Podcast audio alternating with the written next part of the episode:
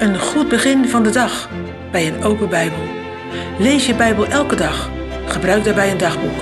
En natuurlijk mooi dat je deze podcast luistert. Deze week over Smyrna door Annelien Veldman. Vandaag lezen we Openbaringen 2, vers 10 en 11. Vrees geen der dingen die gij lijden zult. Zie, de duivel zal enige van uw lieden in de gevangenis werpen, opdat gij verzocht wordt, en gij zult een verdrukking hebben van tien dagen. Zijt getrouwd tot de dood, en ik zal u geven de kroon des levens. Die oren heeft, die horen wat de geest tot de gemeenten zegt. Die overwint, zal van de tweede dood niet beschadigd worden. Gisteren hoorden we dat het lijden van hen die de Heer Jezus liefhebben eindig is. Vandaag lezen we dat voor hen iets klaar ligt. Daar, bij dat eindpunt van het lijden, de kroon des levens.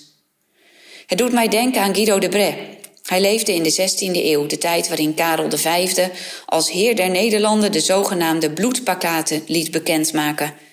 Iedereen die iets met het protestantisme te maken had, wordt bestraft met de dood. Zou jij er nog voor uit durven komen dat de Heer Jezus alleen de zaligmaker is? Guido de Bret deed het wel. Het kwam hem duur te staan. Hij werd opgepakt en gevangen genomen. Over zijn gevangenschap schrijft hij aan zijn vrouw dat hij, ondanks voortdurende kwellingen, ervaart dat God trouw is aan zijn belofte en zijn hart troost. En dan, net voordat hij uit de gevangenis geleid wordt om onthoofd te worden, zegt hij tegen zijn medegevangenen: Broeders, ik ben vandaag veroordeeld om de leer van de Zoon van God. Hij zei daarvoor geprezen. Ik word van ogenblik tot ogenblik gesterkt en mijn hart springt in mij van vreugde op. Het is mij alsof de geest mij vleugels geeft om naar de hemel te vliegen, nu ik vandaag ben uitgenodigd tot de bruiloft van mijn Heere, de Zoon van God. Mag ik je wat vragen? Het is een vraag uit de Bijbel. Een vraag dus van God aan jou. Oefen jij jezelf in dienstbaarheid, onderwerping aan de Heere en zijn wil? Oefen jij jezelf om gehoor te geven aan de opdracht wees getrouwd tot de dood? De mensen in Smyrna, als ook de Corinthiërs, als ook jij en ik, krijgen het advies om dat te doen, net zoals Paulus dat deed. Doen zoals de deelnemers aan een hardloopwedstrijd.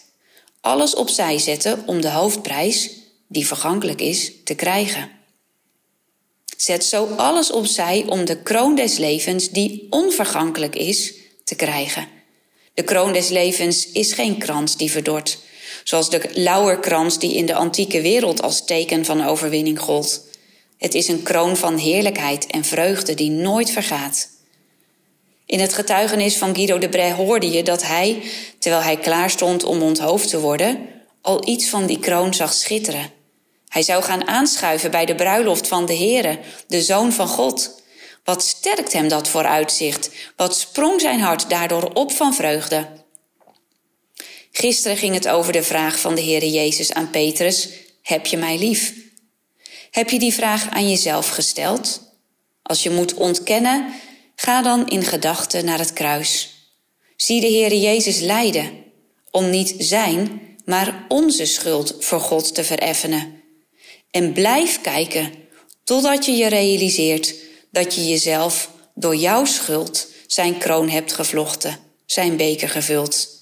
En vlucht dan tot Jezus. Hij redt en hij verlost van het vonnis van de wet. Buig en geloof en laat Hem je vrij spreken.